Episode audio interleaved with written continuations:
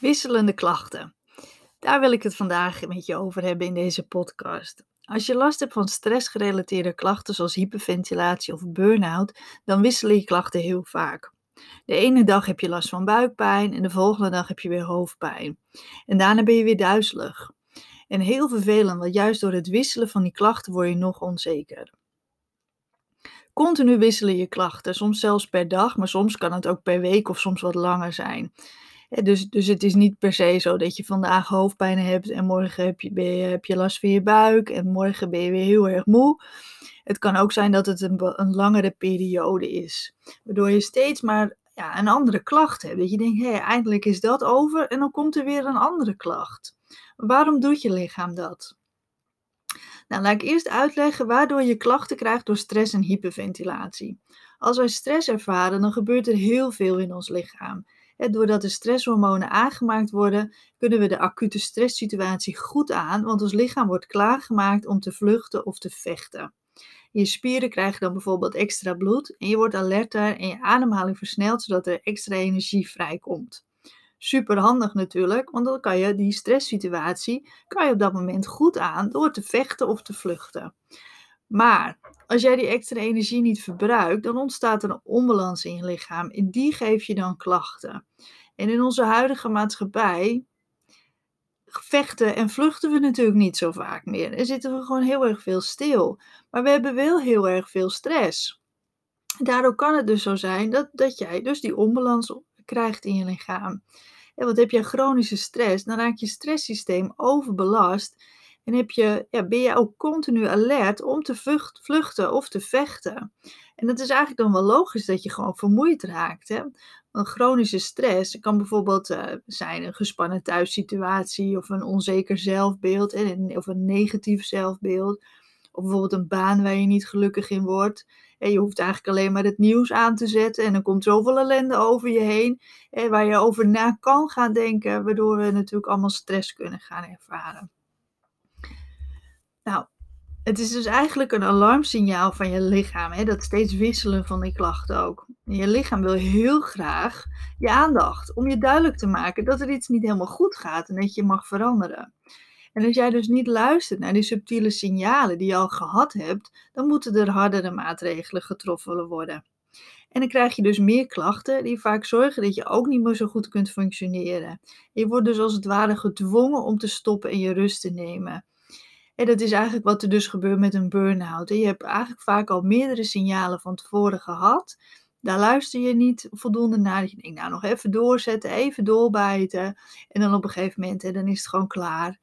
En dan, uh, ja, dan kan je niet meer. Dus, dus eigenlijk, als je dus dan uh, luister je dus niet naar klacht nummer 1, hè, dan gaan we ze het proberen met klacht nummer 2 reageer je ook niet op die ene klacht en dan neem je lichaam weer een ander alarmsignaal erbij door een andere klacht te geven aan je. Net zolang totdat jij luistert naar de signalen en gaat veranderen. Door goed voor jezelf te zorgen, meer rust en ontspanning te nemen bijvoorbeeld. En dat is dus waardoor je continu een andere klacht krijgt je, je lichaam probeert je echt duidelijk te maken van hé, hey, er gaat iets niet goed. We hebben te veel stress, we moeten meer ontspannen, er moet meer rust in ons systeem komen. Ja, luister jij niet naar de, naar de hoofdpijn, ja, dan gaan we het maar proberen met duizeligheid die duizeligheid niet, nou dan, uh, dan geven we maar buikpijn. Eigenlijk net zo lang totdat bij jou eigenlijk dat kwartje valt van hé, hey, ik heb steeds wisselende klachten. Er mankeert eigenlijk verder niks behalve stress en hyperventilatie. Want dat laat je natuurlijk altijd even onderzoeken door de dokter. En dan, hè, dan ja, zal je er toch wat mee moeten gaan doen. Naast dat uh, alarmsysteem, hè, wat, je, wat je lichaam en je brein dus heeft, is het ook zo dat wij maar één ding goed kunnen voelen.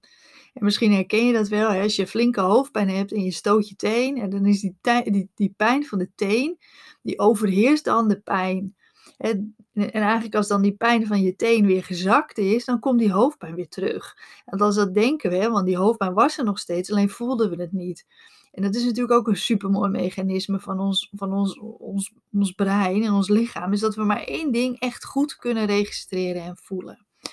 En zo kan het dus ook zijn met je klachten. Alle klachten heb je misschien al de hele tijd, maar omdat we maar één ding echt goed kunnen voelen, maakt je lichaam een keuze welke vandaag of deze periode dus dominant aanwezig is. dus het is een combinatie eigenlijk vaak van die twee dingen. En het is natuurlijk belangrijk voor jou om te kijken, wat, wat, wat speelt er bij mij? Is, is, heb ik eigenlijk continu last van, van al die klachten? En is alleen die ene net wat meer op de voorgrond? Of is echt die ene klacht helemaal weg en, en komt er een andere klacht? Daarom is het gewoon belangrijk dat je meer inzicht krijgt in die verschillende klachten. En dan bijvoorbeeld kan je dus dat dagboek bij gaan houden. En dan noteer dan eens een tijdje, waar ga jij dan over je grens? En waarom heb je juist nu deze klacht? En zit er misschien een patroon in? Misschien heb je elke maandag bijvoorbeeld hoofdpijn.